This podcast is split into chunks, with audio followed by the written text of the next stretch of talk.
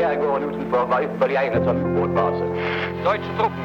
Stortinget og regjeringen forlot tidlig i dag morges når tyskerne nå hadde landsatt troppen. Alle ble sett på prøve. Ingen slapp unna. Jeg heter Inga Sletten Koloen, og jeg har skrevet Vi må ikke falle, første bind i serien Under krigen.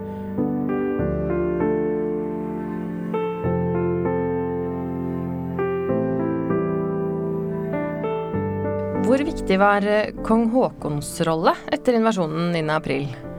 Kongen er jo kjent for sitt nei, men det var flere nei til tyskerne. Det første neiet til å overgi seg, det skjedde faktisk eh, om natta, eller i grålysningen eh, 9. april.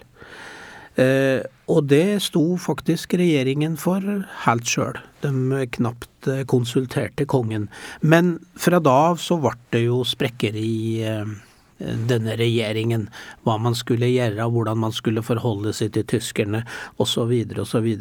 Og eh, jeg må si at noe av det mest overraskende som, som jeg har oppdaga eh, under arbeidet med boka, eh, det var alle sammenbrudda til statsminister Johan eh, Nygaardsvold.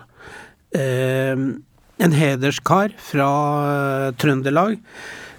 Og jeg må si at jeg har fått stor sans for Nygaardsvold. Fattiggutt som, som havna i et drama som Shakespeare kunne ha skrevet. Alt gikk jo bra med Nygaardsvold-regjeringen fra 35 og fram til 1940. Og så ble de da uh, utsatt for de her vanvittige påkjenningene man kan tenke seg, at plutselig så er landet okkupert, du må flykte. Og Nygaardsvold han vakla og vakla og vakla, stramma seg opp, var i ferd med å gi seg over, og så slet han seg videre. Av en pliktfølelse, først og fremst, tror jeg. og kong Haakon, som en slags motsatt skikkelse, han fremstår jo rett og slett hælstøpt. Han, han han vakler ikke, han, han vet hva han skal gjøre, uansett hvilken situasjon de havner i, og hvor ille, ille det er. Men, men, jeg tenker også at, at kongens øh, rolle, den var jo i mange henseender, henseender enklere enn en, en Nygaardsvold sin. Fordi at kongen slapp jo å lede en flokk med statsråder som ganske ofte kjempa hardt mot hverandre, og også intrigerte mot uh, Nygaardsvold. Da som nå så er det jo store spenninger i en uh, regjering. Uh, kongen han uh, følte nok et veldig ansvar for sitt folk og land.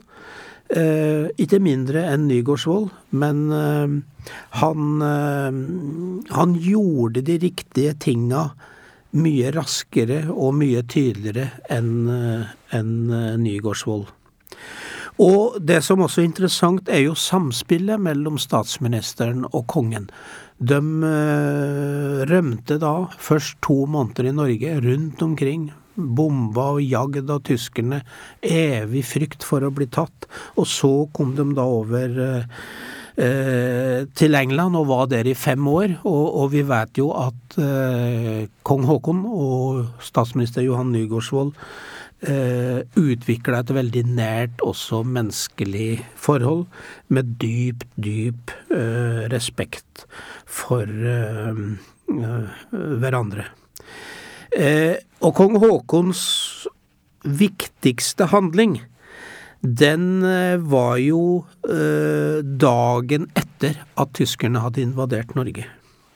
Da eh, hadde de rømt, befant seg på Nybergsund i Trysil, og tyskerne ville at eh, kongen skulle utnevne Vidkun Quisling som statsministeren.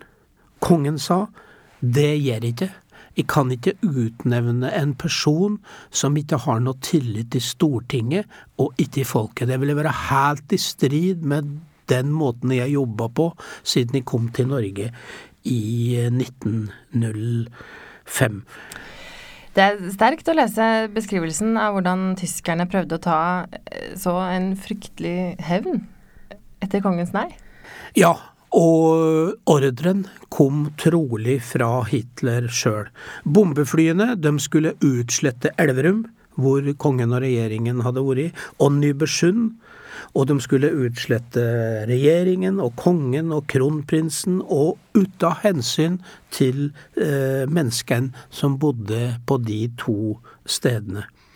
Og her eh, må jeg gi et eksempel på hvordan jeg jobber, fordi at jeg beskriver jo alle store hendelser under krigen.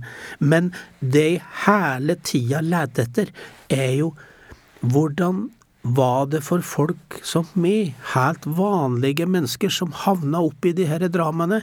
Og eh, under bombingen, da, så ble det slapt, slept altså helvete fra himmelen og nedover dem, og mitraljøsene knatra.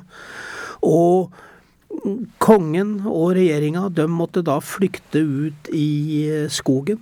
Og så finner de da en skikkelse som mm, for meg står som mm, en slik person som kunne vært hvem som helst. Og da leser jeg litt grann fra, fra boka. Edith Aasheim var en av Norges første kvinnelige bussjåfører.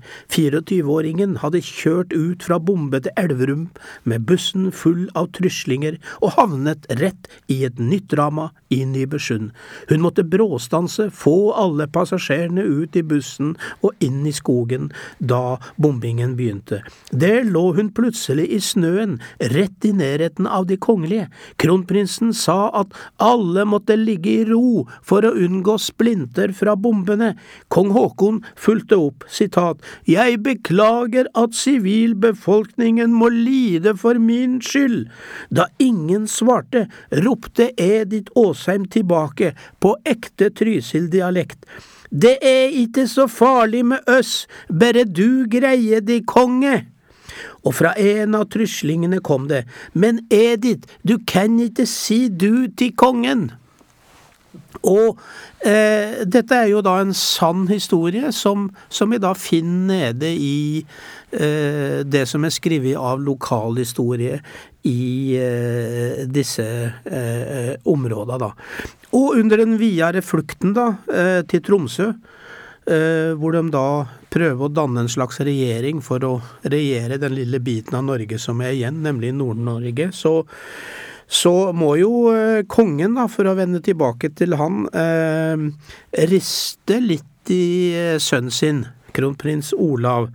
Fordi at det kommer jo da folk fra Oslo eh, som er veldig opptatt av at alt må bli normalt, det må bli hverdag igjen, krigen eh, må det bli slutt på.